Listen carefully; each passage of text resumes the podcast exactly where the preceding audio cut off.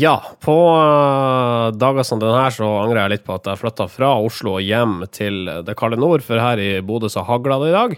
Uh, og i Studio 2 så sitter jeg, uh, som heter Marius, og kan ønske hjertelig velkommen til oss her i NIR. Velkommen også til dere to, Marius og Sindre. Tusen hjertelig takk for det. Takk.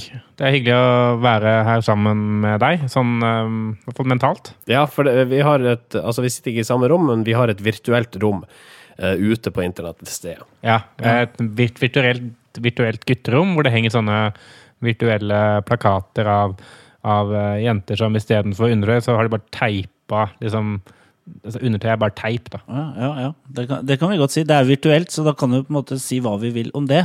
Ja, vi kan jo det. Uh, ja, vi kan det. Jeg kommer rett fra forresten, jeg kommer rett fra Dublin i dag. Jeg har vært hos Facebook. Uh, Facebook sin uh, ikke hjemme hos Facebook, egentlig, for det er vel egentlig hytta til Facebook. For Facebook holder til i San Francisco. Så jeg har vært i Dublin og vært der to dager og lært veldig mye om Facebook.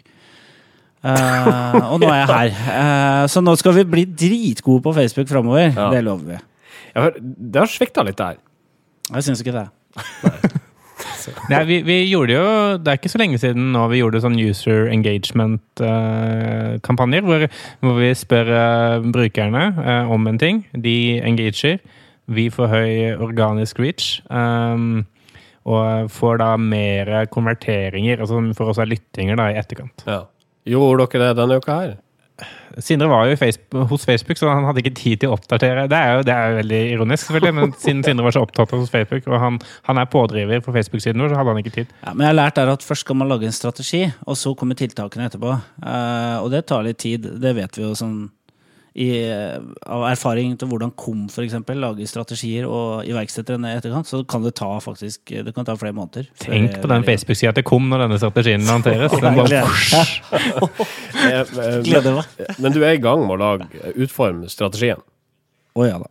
Kan, kan, jeg kjøre litt sånn skamløs selvpromo før vi går videre, eller?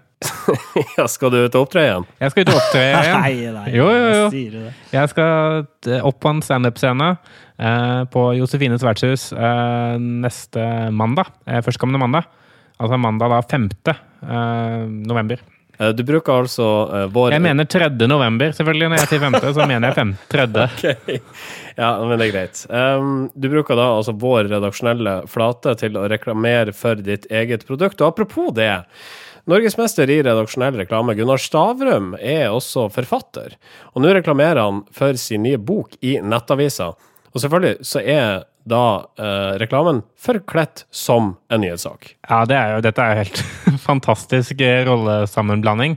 Hvor eh, det på Nettavisen eh, forrige uke lå en, eh, en promoartikkel om Gunnar Stavrums nye bok. Eh, om da, som han skrevet om Petter Stordalen. Ja, og den er merka med sånn handlevogn, sånn at du skal kunne se at dette er betalt innhold. For øvrig, Romerikes Blad gjenga denne saken umiddelbart. De uh, gikk jo frem på igjen og trodde dette her var redaksjonelt innhold om Altså, jeg tenker, Gunnar Stavrum han er minst ærlig. Han kunne jo bare fått noen til å skrive om boka hans. Ja, det er for så vidt uh, godt poeng, det. Altså. Det hadde jeg forsvart meg med hvis jeg var han. Ja. Men uh, for å ta med den andre sida av det dilemmaet der, så er det jo kanskje problematisk eh, all den tid han setter sin egen fot i klem i døra mellom redaksjon og markedsavdelinga. Som redaktør. Jeg lurer på om han da betaler Altså da dette denne artikkelen koster til salgsavdelingen? Ja, Eller om han får det, om det er en slags barteravtale? Ja, barteravtale. Han jobber litt overtid. Ja, altså han, han får lov å få artikkelen gratis hvis han lover å skrive den selv. Så måtte annonseavdelingen slippe å skrive den. De, slipper, altså de kan skrive av timer, ikke sant? Så spare inn på timebruk eh, der, ja. Oh, vi kan bare spekulere i hvordan dette her uh, foregikk. Men vi kan ikke gjøre det uh, mer i denne sendinga, for da kommer vi aldri videre. Uh, vi må dra en tur til Belgia, for der har en sjokoladefabrikk bestemt seg for å skifte navn. Det heter en Liber etter bedriftens eier. Det gamle navnet ble rett og slett litt for belastende. Ja, det gjorde det. For de, de sjokoladen deres het skifta navn fra Italo Swiss til Isis i fjor. Eh, men på den tida der så visste de ikke at det var et, eh, en terrororganisasjon som var kraftig i vinden nede i Midtøsten, som het akkurat det samme. Så da tenkte jeg at det er vel helt greit eh, navn på en sjokolade. Men så viste det seg at det er ingen som vil kjøpe en sjokolade som heter Isis. Så ja, da må vi bytte igjen. Det hadde vært gøy hvis de bare hadde valgt å beholde navnet. da. Altså sånn, bare sånn, Vi skal ta navnet vårt tilbake. Ja. Bare kjørt en sånn gigantisk kampanje på sånn La oss ta ISIS tilbake og liksom forene sveitsere rundt det som tar tilbake sjokoladen sin og gjøre den til et symbol, eh, fremfor å bare gi seg hen til terrorisme. Um, sånn, Ja. we, we don't negotiate with terrorists. Ja? We're keeping our name. Her overgir de seg. ikke sant? De gir bort navnet. Det er som å da gi, løs, er løsepenger ikke sant? Mm, eh, til terroristene. Samtidig, de bytta navnet i fjor, så det er liksom ikke en 100 år gammel, Men- eh, gammelt navn. Tenk, tenk hvis ISIS altså Nå ser den denne trenden, og så bytter de navn til sånn Coca-Cola eller noe sånt. Den coca-colske stat i Levanten, eller hva det, heter, det kunne hett. Mm. Eller Kid Interiør. Vi, ja, ikke sant? Vi skal, vi skal teppebombe Midtøsten.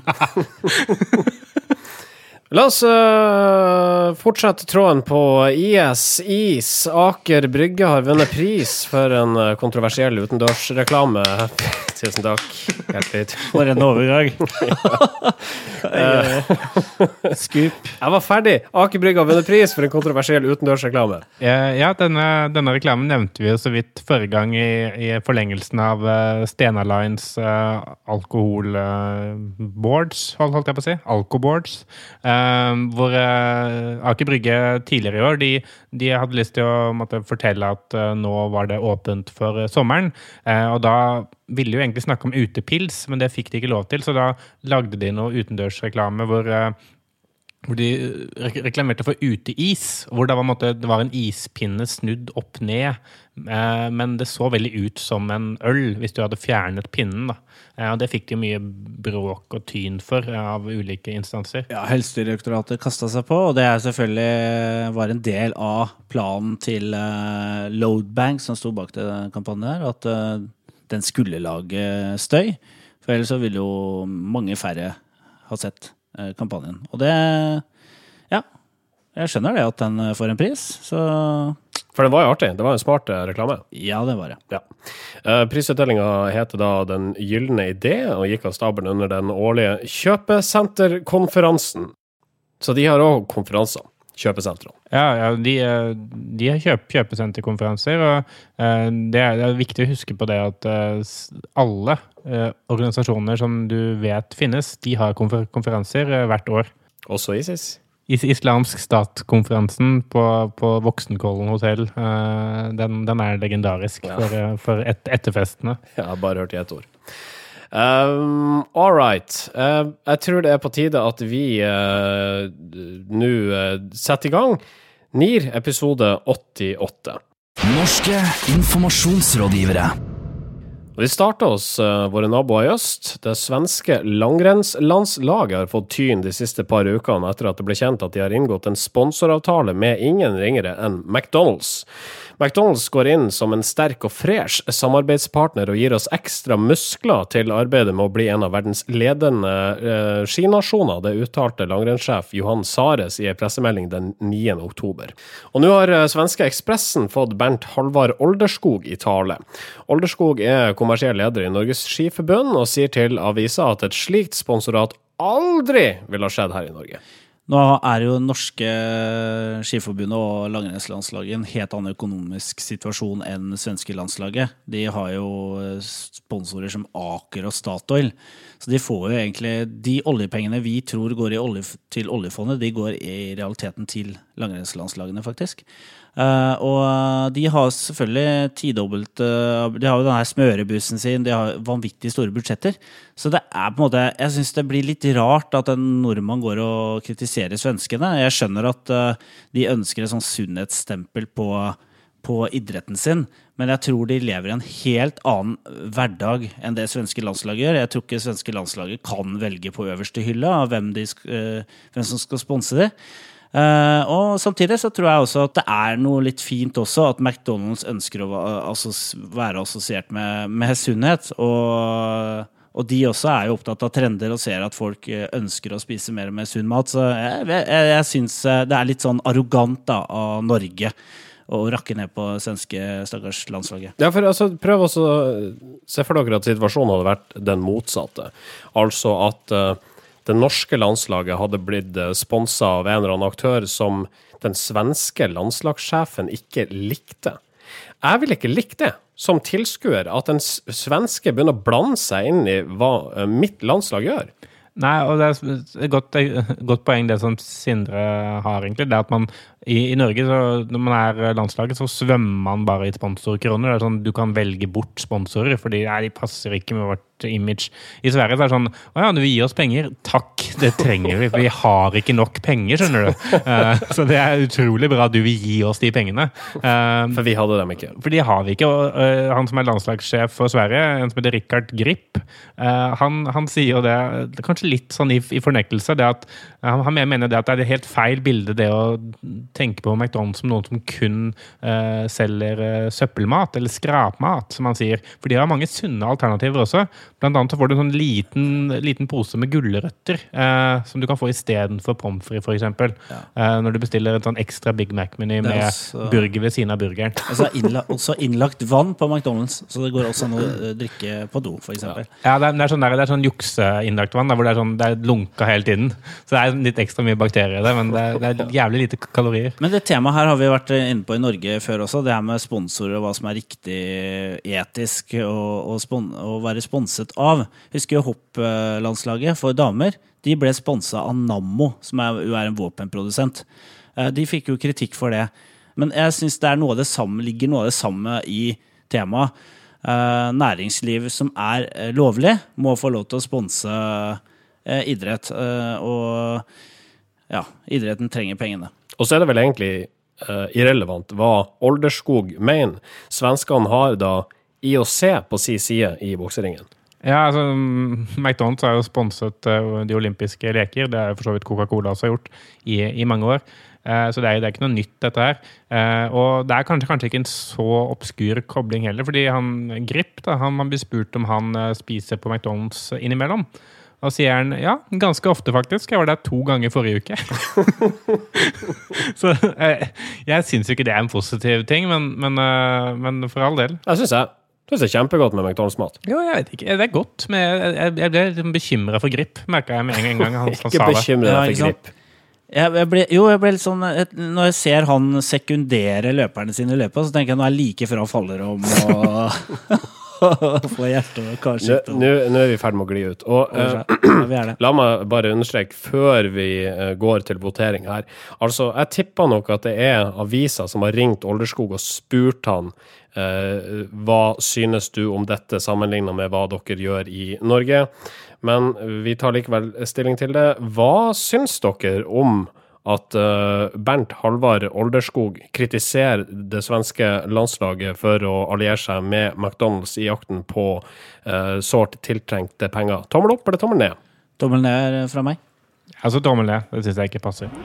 Norske informasjonsrådgivere. Eh, senere i sendinga skal du få høre hvorfor ordføreren i Bergen ikke lenger vil snakke med VG, og så skal Marius Torkelsen få presentere flatindeksen for oktober. Men nå, den norske kjendiskokken Eivind Hellstrøm har med årene også blitt programleder, og i den nyeste sesongen av eh, Hellstrøm rydder opp, så har han inntatt rollen som etterforsker. I episoden som kommer på TV nå på søndag, så drar kokken til stranda for å finne ut av hva pizza Grandiosa egentlig inneholder, og hva pizzakjøtt egentlig er for noe.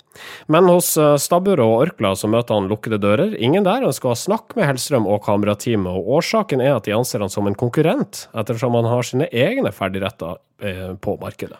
Ja, eh, dette er en litt interessant sak, syns jeg. Fordi uh, Hellstrøm han, eh, han måtte For å eksemplifisere hvor, hvor ille det er at en av de familiene han skal rydde opp hos, kun spiser eh, ferdig pizza, så skal han bevise at uh, det er Du vet jo ikke engang hva som er i fer- ferdig pizza. Eh, og så møter han opp på denne fabrikken og blir nekta å slippe inn. Eh, og til slutt så, så blir han sluppet inn eh, på et sånt møterom hvor han får lov å snakke med en fabrikksjef som egentlig ikke kan svare, men som kun sier det at nei, du må snakke med informasjonsavdelingen. Og så kommer da Orkla med dette, svaret i etterkant. Nei, men han er, han er en konkurrent, så derfor vil vi ikke dele oppskriftene med han. Altså, Det er jo en uh, kar her som kommer i en litt sånn uh, vanskelig situasjon, og det er fabrikksjefen på uh, den der Grandiosa-fabrikken på Stranda, han, Hans Jostein Langelo. For han blir stående med armene i kors og sier 'vi har ingen hemmeligheter'. Eh, sier han. Eh, litt sånn herlig motsigelse mellom kroppsspråk og, og verbal, eh, verbalt uttrykk. Og han får ikke lov til å si noen ting. Han får ikke engang svare på når Hellstrøm stiller et helt direkte spørsmål. Hva er pizzakjøtt? Men kunne ikke Hellstrøm bare ha sjekka varedeklarasjonen, hvor det står at pizzakjøtt inneholder storfekjøtt, det er altså kjøtt av ku, stivelse, salt, vann, krydder og konserveringsmiddel? Hadde ikke det vært lettere? Jo, men han, hans poeng er at det står ikke hvor mye det er av hver. Altså, Så, så det kan jo inneholde Ja, hva har det å si? Jo, for Hvis det inneholder 0,1% storfekjøtt og resten er salt og stivelse, så er det plutselig et helt annet produkt enn hvis det er 95 storfekjøtt. Jeg, altså Her mener jeg Det går jo an å parkere en diskusjon ved å si at, uh, at uh, Mattilsynet har godkjent produktet. Ikke sant? Eh, og at det, er, det inneholder Men det er selvfølgelig litt ullent når det ikke står som Marius sier, det står ikke hvor mye storfekjøtt det er. Hvis det er liksom 90 konserveringsmiddel og, og litt sånn storfebeinmel eh, Ja, men det er jo sikkert det. for, ja, Det er nok det. Det, det som er problemet her, er håndteringen av saken. Fordi jeg tror Stabburet kunne gå kommet fint ut av det og bare sagt jo, men det er jo digg. Det skal ikke være sunt, dette her. Det er jo bare digg, ikke sant. Eh, eh, men men istedenfor så, så nekter de å svare, og de åpner for så mye spekulasjoner. Da. Altså, jeg blir jo kjempemistenksom når jeg, når jeg leser denne saken og liksom ser reaksjonen deres. Og selv når VG skriver denne saken, forteller hva den skal handle om, så nekter de fortsatt å oppgi hva det faktisk er. det, man skulle jo tro at det er en relativt enkel at det, det må være mulig å svare et eller annet, da, men de klarer ikke å svare noen gang. De klarer klarer ikke engang å si liksom noe annet enn at ja, men det er hemmelig. eh, Fordi De, de er, vi har funnet en så genial sammensetning av disse råvarene at andre konkurrenter kan stjele det hvis Ja. vi har altså- tjent seg søkkrike på det. Hvis du viser er prosentene, så, så ville du også kunne lage pizza Grandiosa. Alle kan jo blande storfekjøtt med noe stivelse og konserveringsmiddel. Det er prosentene. Det er prosentene, min venn. Hemmelighetene ligger i prosentene. Men altså, jeg tror Orkla kunne kommet ut av dette på en eh, fin måte. Hvis de hadde gått ut og vært stolt av produktet sitt, fortalt akkurat hva det inneholdt, og sagt at uh, vi anser Hellstrøm også som en eh, konkurrent, for han driver også med ferdigmat, men vi skal være helt ærlige om hva, hva produktet vårt består av. Isteden så prøver de først å, å på en måte så tvil rundt Hellstrøm sine motiver, med at vi tenker på at han er en konkurrent osv., og, så videre, og så Så når de ser at ikke det går helt, så på en måte Ja, så går de til skritt og ok, vi kan si hva det er lagd av, da. Og det, det blir så feil. Det, jeg, sy- jeg syns de kunne Det er greit å så tvil om Hellstrøm sine motiver, men hvis de samtidig hadde vært liksom dønn ærlig Det er dårlig mediehåndtering, rett og slett. Ja, rett og slett Ja, klønete kommunisert, da. Men, men ba, ba, bare tenk på det her. Du er, du er en relativt traust produsent av frossenmat. Og så ringer noen og sier Hei, vi vil lage TV-innslag om produktet ditt. Bare sånn, Det vil vi lage. Nå kan du fortelle akkurat hva det inneholder, hvordan det er. Altså, At ikke du ser det som en kjempemulighet til å få altså. snakke om Grandiosa. Ja, men, altså, du er selvfølgelig klar over vinklingen, men det er, ikke, det er ikke som om hvis du sier nei, så kommer du unna det. Du må jo finne en måte å spinne dette positivt på. da. Altså, sånn, snakke om, snakke om altså, hvordan det smaker framfor hva det inneholder. Da. Så kan jeg si at ja, det inneholder mye salt, da, men det gjør potetgull også. Sånn, det, det, det, dette er godt. Altså, det skal jo smake digg. Ja. Det skal ikke smake, det skal ikke smake storfe. Ingen liker jo det. Skal ikke smake for mye konserveringsmiddel heller, før det, blir, eh, før det tipper feil over. Nei, Vi er utrolig gode på å blande storfekjøtt, konserveringsmiddel og, og stivelse. Det er liksom vår forretningsidé. Ja. Den har vi perfeksjonert. Ja. OK. Uh, tommel opp eller tommel ned for Stabber og Orklas, uh, Orklas mediehåndtering i forbindelse med programmet Hellstrøm rydder opp? Tommel ned. Tommel ned igjen. Negativ innledning her. Norske informasjonsrådgivere. Vi har vært negative mot Stabburet før, vi. Uh, Ja, og Grandiosa. To Grandiosa, ganger. To ganger. Ja, ja. Både fordi uh, de- eh, de følte seg mobba av By og Rønning, og fordi de skulle gi bort en million kroner hvis noen kjøpte Grandiosa. De har fått mye pes. Fy faen, jeg har fått mye pes. Allikevel fortsetter folk å spise. Ja, men Det er fordi at de er så sutrete og dårlige på reklame. Nei, nei, ja, ja. Altså, etter at Jenny Og, Skavlan og fordi eh, Stein Erik Hagen gikk ut og fjerna salt og fett og sånt fra maten, og så ble jeg slankeekspert. Det var også Det har du rett i. Fire ganger har de fått tyn i nyheter. ja. altså, Orkla kommer til å få mer tyn hvis ikke de begynner å sponse oss. Da kan det hende vi, vi endrer litt på eh, tone of voice. Sånn Eh, sett. ja, ja. Uh, vi kommer dog ikke unna at uh, Pizza Grandiosa eh, landets mest solgte, så gratis med det. da. Stivelse, storfe og masse konservering. Det blir bra. Pizza til levering. G -g -g Grandiosa. La oss forlate stranda og dra til Bergen. Trude Drevland, ordfører der borte, er rasende på VG etter at de laga en sak om hun, eh, hvor hun da ikke likte overskrifta. I kjølvannet av at en mann tirsdag ble pågrepet og sikta for drapet på ei åtte år gammel jente, så har VG satt lys på urolighetene i politiet og anklager om mangelfull etterforskning av drapssaken. Og de eh, snakka med Drevland og brukte i saken eh, overskrifta 'Bergensordføreren tviler på om politiet er grundig nok'. Det har jeg ikke sagt, hevder Drevland. Nei, Drevland sier at hun er sjokkert over eh, oppslaget i VG. eh, over at de kunne bruke en sånn overskrift, for hun mener at eh, det er ikke det hun har sagt. Det som er interessant med saken her, er jo, eh, og hvorfor vi vil snakke om det, er jo at hun eh, sier at hun er riktig sitert i samtlige sitater i saken. Sånn at hun sier ikke at VG har feilsitert henne, men hun sier at de har gått for langt, at de ikke har dekning for den overskriften de har laget. Hun, hun sier f.eks. i saken så er hun sitert på følgende. Når de i Monica-saken, det er jo Monica-saken som mange har fått med seg, den eh, lille jenta som døde og hvor saken ble henlagt, eh, når de i Monica-saken kunne henlegge det i første omgang, for senere å arrestere en mann da kritikken kom til overflaten, gir det grunnlag for sterk tvil om det gjøres et grundig nok arbeid i andre saker, sier Drevland til VG. Og La oss da gå tilbake til overskrifta til VG. Bergensordføreren tviler på om politiet er grundig nok. Er ikke dette akkurat det samme som det eh, Drevland sjøl er sitert på, og som hun hevder hun er korrekt sitert på? Eh, det, det er kanskje en liten nyanseforskjell. Altså, kanskje burde stått eh, Bergensordfører mener politiets handlinger åpner for tvil på deres grundighet. Eh, som er noe litt annet. for, fordi, jeg men- fordi altså, jeg, jeg tror at det hun føler, er det at eh, hun sier sannsynligvis at politiet i enkeltsaker eh, ikke har opptrådt grundig nok. Uten at hun mener at politiet som helhet ikke er grundige. Altså, det, det er på en måte flisespikkeri, men på en annen måte kanskje da eh, to litt forskjellige ting. Fordi, fordi hun som ordfører hun har mandat, til å, som alle andre, egentlig klage på enkeltsaker og på enkelthendelser. men når hun på en måte da blir anklaga for å angripe hele eh, institusjonen politiet i Bergen, så er det plutselig en annen ting. For de er jo også underlagt da hennes myndighet. Da indirekte kritiserer hun seg selv. Eh, som, som da jeg forstår at hun reagerer på, selv om, selv om hun tar jo på en måte litt feil også. Jeg visste ikke at jeg kritiserte meg selv. Jeg angrer på det utspillet. Men hvis hun, eh, lar den, hvis hun lar den stå, bergensordføreren tviler på om politiet er grundig nok, så eh, hvis hun er i tvil om det, så betyr jo det at eh, det bør få konsekvenser for politiet. Eh, og hun er antageligvis ikke interessert i det. Hun er bare interessert i å, å fremstå som bekymra eh, for hvordan de har håndtert enkeltsaker. Men hun er vel ønsker å si at hun har tillit til politiet som sådan. Men eh, her så her står det jo for, så- vidt også i ingressen at vi er ikke tjent med at eh, det er usikkerhet, eh, usikkerhet rundt politiets rolle eh, i byen vår. Så hun, hun eh, sier jo at, eh, at, at, at folk eh, tror at politiet ikke er grundig nok. Det er et problem. Men hun sier at eh, samtidig ikke eh, ordrett at hun tviler på politiet.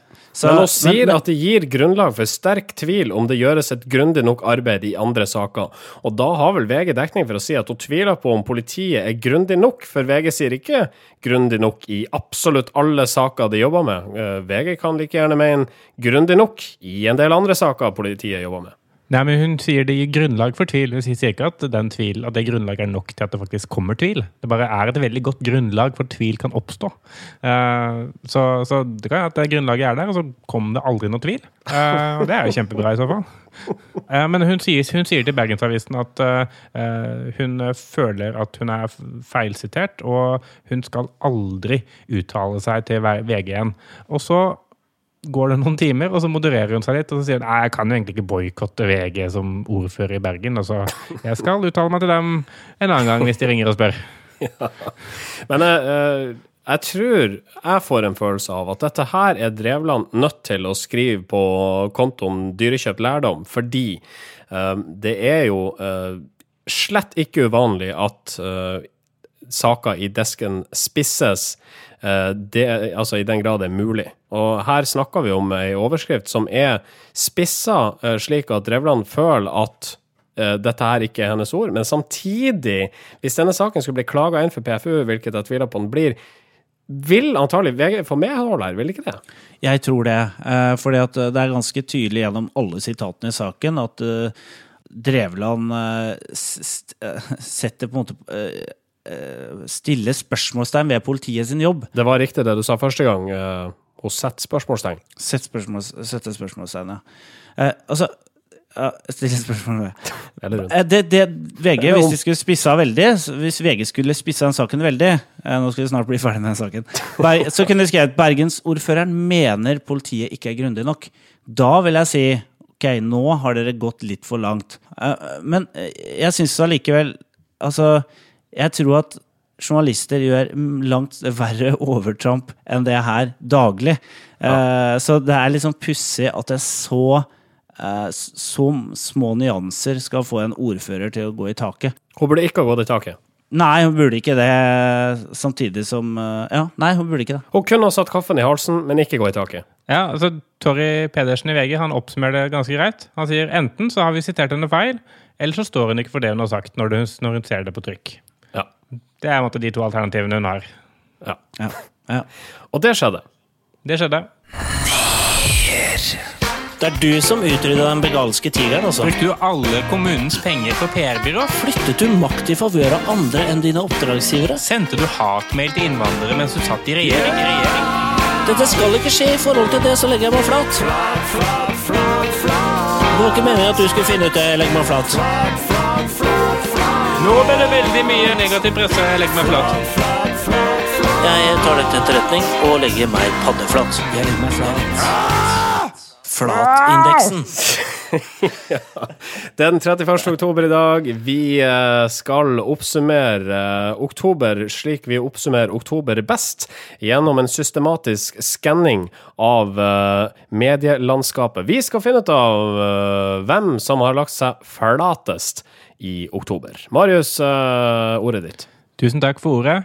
Eh, Jeg eh, er jo flatleggingens Ikke høye, høye beskytter, blir vel heller lave beskytter, på en måte, fordi jeg syns at folk skal slutte å legge seg flate. Jeg syns det er altfor mye flatlegging når man blir konfrontert med å ha gjort noe galt. Og jeg syns man i større grad kan stå for det man har gjort, og bare si at eh, ja, enten at vi, vi gjorde egentlig ting riktig, så selv om du kommer og kjefter på meg som journalist, så står jeg for det jeg har gjort. F.eks. For eksempel det kunne Stabburet gjort eh, i den eh, Grandiosa-saken. Eh, Eller så må man bare slutte å gjøre dumme ting. Eh, Begge deler er eh, gode alternativer. Ja, Vi aksepterer eh, begge deler, og for de som eh, ikke velger å følge våre råd, eh, så ligger risikoen der for å havne på en topp tre over de flateste folk, virksomheter etc. måned for måned. Du har laga ei topp tre-liste til oss. La oss gå på tredjeplassen. Tredjeplassen den går til Lefdal elektromarked. Eh, og det, det er fra en sak eh, som dukka opp i Bergens Tidende tidlig i oktober, hvor eh, det var en, en bergenser som skulle gå seg tur rundt Liavannet i Åsane i Bergen. Eh, men så kom han da til en plass som ligger eh, utenfor eh, Lefdal elektromarked, og da ble vedkommende forferdet, fordi denne plassen den var overfylt av skrota vaskemaskiner og radiatorer og tørketromler osv. som bare lå hulter til bulter slengt rundt omkring. Og dette måtte forsuret hele denne fine søndagsturen. Og, og da Lefdal blir konfrontert med dette, her, så sier administrerende direktør i Lefdal, eh, Trond Samuelsen, at uh, han skjønner jo det at, at folk synes at dette her er forf et forferdelig syn å komme til. Og selvfølgelig så skal, skal de ikke kaste masse elektrovarer uh, i naturen.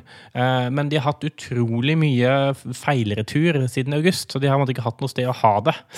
Så de satt, satt det utenfor, da. Uh, essensen i det han sier.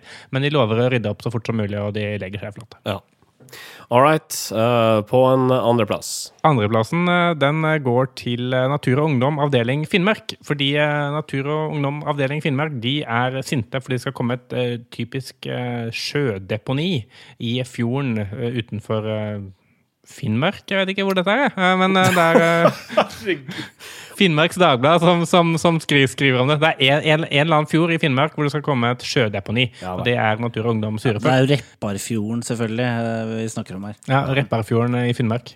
Eh, og det Natur og Ungdom gjorde da, for å vise sin misnøye, det var å, å klistre opp ekstremt mye plakater i, eh, i bysentrum da i eh, Finnmark, jeg vet ikke. Repparfjorden. Oslo-arroganse, ass. Herregud, mann. Nå, nå vet jeg, vet jeg hvor, hvor det er. Du lærer noe nytt om Finnmark eh, hver gang du Vi er, vi snakker er om det. selvfølgelig i Alta. Ja. Så, så. All right, Så egentlig så forurensa de Alta sentrum med en haug av Ja, plakater? det, er- det, er det, det er det som er poenget. fordi De, klas- de klistra opp fullt av plakater rundt i Alta sentrum. Og de brukte en sånn type teip som er Når du teiper den her på betong, og så, videre, så er den helt umulig å få bort. Eh, så når du da river ned disse plakatene eh, For eksempel var det en, en, en som eier Uno kafé eh, i Alta sentrum, eh, i Altaveien 2, eh, hvor eh, han hadde fått sånn ti plakater på fasaden sin. og prøvde å rive ned disse plakatene med, eh, mot egentlig da forsøpling. Men eh, det var jo forsøpling i seg selv. Så hva gjorde Natur og Ungdom da? Natur og Ungdom de, de legger seg selvfølgelig flate, og Magnus eh, Strømseth, som er da leder i Natur og Ungdom eh, sentralt, han sier det at eh, her har nok noen vært litt ivrige. Vi var og hang opp mange plakater, og da er det vanskelig å kontrollere hva alle gjør, men de legger seg flate fordi dette her blei jo forsøpling til syvende og sist. Mm. Ironisk nok. Ironisk nok, det, det er sånn liv og lære-ting. Det er jo vår favorittgjenganger i denne spalten. ja. Men Natur og Ungdom når ikke helt opp, for vi har en uh, oktober måneds flateste. Hvem eller hva er det? Eh, Oktober måneds eh, flateste, det er vår alles kjære SAS. Uh, og dette syns jeg var litt gøy, fordi uh, de, dette her er knyttet til en sak vi diskuterte tidligere i oktober, hvor SAS brukte eh, et sitat eller en ting som Viktor Nordmann sa. Eh, for eh, Viktor Nordmann han gikk ut og dissa SAS egentlig i en forelesning, og så hadde da SAS neste dag en annonse på trykk i Dagens Næringsliv hvor de sier at ja, men vi har masse fornøyde kunder, Viktor Nordmann, så vi vil gjerne at du skal være fornøyd med oss, på en måte. Et slags sånn tilsvar. I, I denne annonsen, da, hvor de hadde klippet sammen masse forskjellige SAS-kunder, så var det også et bilde av Jon Almås. Eh, NRK-giganten, fyrtårnet i eh, selve staget i eh, gullrekka. Jon Almås. Staget. Roret. Roret. Ankeret. Og selvfølgelig. Spinnakeren. eh, ledestjernen. Nei, Ja, ja, ja. Og det er, det er ikke lov for eh, NRK-profiler å gjøre kommersielle oppdrag mens de er ansatt av NRK. Og det er i hvert fall ikke lov for eh, store virksomheter å bare benytte seg av disse NRK-profilene uten å spørre først. Eh, så det, NRK klagde det til SAS, og SAS måtte ut og legge seg flat og si at her gikk det nok litt fort i svingene når vi skulle gjøre sånn realtime marketing, og vi så ikke at Jon Almås var på det ene bildet. ja. Så det, det, det skjedde, det òg. Og de får rett og slett tittelen eh, flateste i oktober, fordi de prøvde på noe gøy, og så fikk det en liten backslash. ja. All right. Uh, SAS er altså oktober måneds flateste. Takk for den oppsummeringa, Marius Storkelsen. Vær så god. Ikke gjør dette. Rosenborg kan med seier først over Odd søndag og over Strømsgodset den 9. november sikre seg sølvet i Eliteserien. Sistnevnte kamp er den siste på eget gress denne sesongen for eh, Rosenborg. Og selvfølgelig så vil trønderne ha fullt hus da. Det skulle da bare mangle. Eh, og man skulle kanskje tro at en medaljeplassering er mulig å selge inn til supporterne, men det har eh, RBK valgt å se bort fra. De reklamerer med at kampen mellom Rosenborg og Strømsgodset er en gyllen mulighet til å se drammensernes wunderkind Martin Ødegaard på Lerkendal-gresset. Eh, jeg tar det en gang til. RBK vil lokke publikum til kampen for å se en spiller tilhørende motstanderlaget. Se fotballvidunderet fra Drammen live på Lerkendal i det som kan bli hans siste kamp i Tippeligaen, skriver eh, RBK på sine egne nettsider. Og de bruker også det her eh, innsalget her, også på Twitter, for å få folk til å komme på Lerkendal. Da. Men det de ikke har tenkt på, er at trønderne er jo ikke så veldig opptatt av Strømsgodset. De er mest opptatt av RBK. Ja, det, Det er kanskje helt naturlig. ja, det, er, det er veldig lett å glemme uh, når, man, når, man, når man sitter i markedsavdelingen til Trondheims eh, stolthet og glemmer at ah, Trønderne de er jo egentlig mest opptatt av Rosenborg som de andre lagene i Tippeligaen. Altså, Det er liksom ikke først og fremst at de vil se tippeligafotball som, som gjør at de kommer. Eh, Det er mer fordi Jeg kan, de ser jeg kan jo se for meg liksom, for, redaksjonen eller markedsavdelingen på Brakka, og så sier jeg «Det gud, skal jo ikke Er vi ikke litt lei Rosenborg nå? Skal vi ikke finne på skal ja, vi har ikke, snakka om Rosenborg ikke- hele sesongen. Ja. Jeg syns vi gjør det hver, før hver eneste hjemmekamp. Ja. Hvorfor gjør vi det, egentlig? Ok, La oss tenke litt utafor boksen nå. Eller inn, innafor 16-meteren. All right, all right. Hva er vi har å jobbe på? Altså, Vi har Drammen. Drammen, Elvebyen. Nei, nei, funker ikke det. Uh, Drammen, eh, Strømsgodset. Strømsgodset, um, ja, Uh, 15-åring uh, Martin, Martin, Martin Ødegaard. Ok, greit, vi har noe der. Martin Ødegaard. Hva har vi det. Mars Martin Ødegaard, ok, eh, han, han, er, han er jævla god. Uh, Eller ung. Veldig ung, veldig ung. Ja, det er bra. det er bra. ja, og det er mange som liker oss nå fordi vi kommer på sølvplass, fordi vi, da spiller vi bra fotball. Men han spiller jo bedre fot fotball enn oss. Det betyr det at folk liker best fotball. Og så har vi, Morten Gams Pedersen, vi har liksom gamle, eh, kjedelige, Ja, ja. avdanka spillere. De har den gode. Vi lager kontrasten her. Her kan vi se en ung, eh, lovende spiller rett før han eh, drar ut i Europa. Der som Rosenborg eh, var før, men eh, aldri kommer til å komme Ja, for dette er en måte siste sjanse. Han Ja. er på vei ut. Det er jo siste siste Jeg sjanse leste en, en, en, en eller annen artikkel om, om Barcelona her om dagen, og uh, han skal sikkert dit. Uh, det er nesten sånn det er Messi, ikke sant? All right, all right. Nå er det, nå er det, det er veldig bra. Altså, Gammel, kjedelig, ung og lovende. Ok, eh, nå, Sindre, få en tekst. Nå. Se fotballvidunderet fra Drammen live på Lerkendal i det som kan bli hans siste kamp i Tippeligaen. Der er Det den! er jævla sterk copy. Cirka sånn skjedde det. Det er, ja, men det er som produsenten av Joikaboller skulle prøvd å liksom skryte av trøndersodd. Ja. Uh, og vi er selvfølgelig ikke enig i uh, Rosenborgs uh, taktikk her. og vi sier bare én ting ikke gjør dette. Nei, ikke, ikke gjør det. Ukas kudos. Kudosen går til eh, byrået Sachi en Sachi og foreninga Organdonasjon. Hvorfor det? Det, det er fordi eh, Sachi og Sachi og stiftelsen Organdonasjon de er jo opptatt av at folk skal donere organer. Eh, og for å få dette til å skje, så har de lagd en litt sånn Jeg syns det er en litt sånn quirky, merkelig kampanje hvor de vil at folk skal donere bokstaver fra eget navn. Eh, og når folk donerer da, disse bokstavene, så blir, disse bokstavene brukt til å lage historier om folk som har fått organer og da måtte fått livet tilbake. Eh, og på en måte så syns jeg den, denne koblingen med liksom, å donere noe som ikke koster folk noe i det hele tatt å gjøre. Jeg, jeg donerte en A og en I eh, tidligere i dag. Eh, og så fikk jeg en historie tilbake om, om Tone som fikk en ny lever, og, og, og det var veldig bra for henne. Eh, og jeg synes bare det, På en måte, rar måte så klarte de å knytte den problemstillingen litt sånn nærmere på meg, fordi jeg føler fortsatt at jeg gir fra meg noe, da, selv om jeg ikke, egentlig ikke gjør det. Eh, og at jeg da måtte, er litt involvert i den historien jeg får tilbake, fordi mitt bidrag har faktisk ført til at den historien kunne komme fram. da. Ja, det er, er en ganske fin kampanje. Det er flere elementer her. Og så har de, de har klart å De har da brukte jeg historiene til å lage livsannonser. Eh, og det er annonser som ser ut som dødsannonser, men er fortellinger om uh, hvordan organer har redda liv. Og, og det er sånn hele formspråket i kampanjen og, og måten de har gjort det på, er litt sånn sjarmerende. Sånn, Istedenfor å være sånn derre Gi leveren din, ellers så dauer folk. Så, så, så, sånn måtte jeg føle at uh, organdonasjon har handlet mye om før. Da, sånn Gilte deg inn til å gjøre noe. Så, så viser de heller sånn at du kan bidra til noe positivt ved ved å bare gjøre en liten ting som å gi bort en E. Um, Sachi eh, Sachi og Sachi og for, uh, foreninga Organdonasjon får kudosen for sin eh, eh, smarte gi bort, eller donere bort uh, bokstaven navnet ditt-kampanje. Til lykke. Norske informasjonsrådgivere.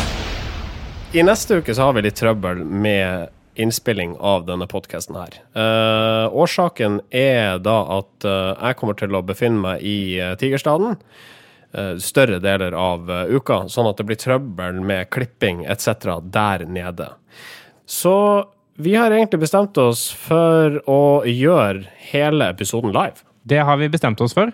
Eh, Vi er blitt så trygge nå på at eh, de tingene vi sier, de er eh, såpass smarte at de trenger aldri å klippes igjen.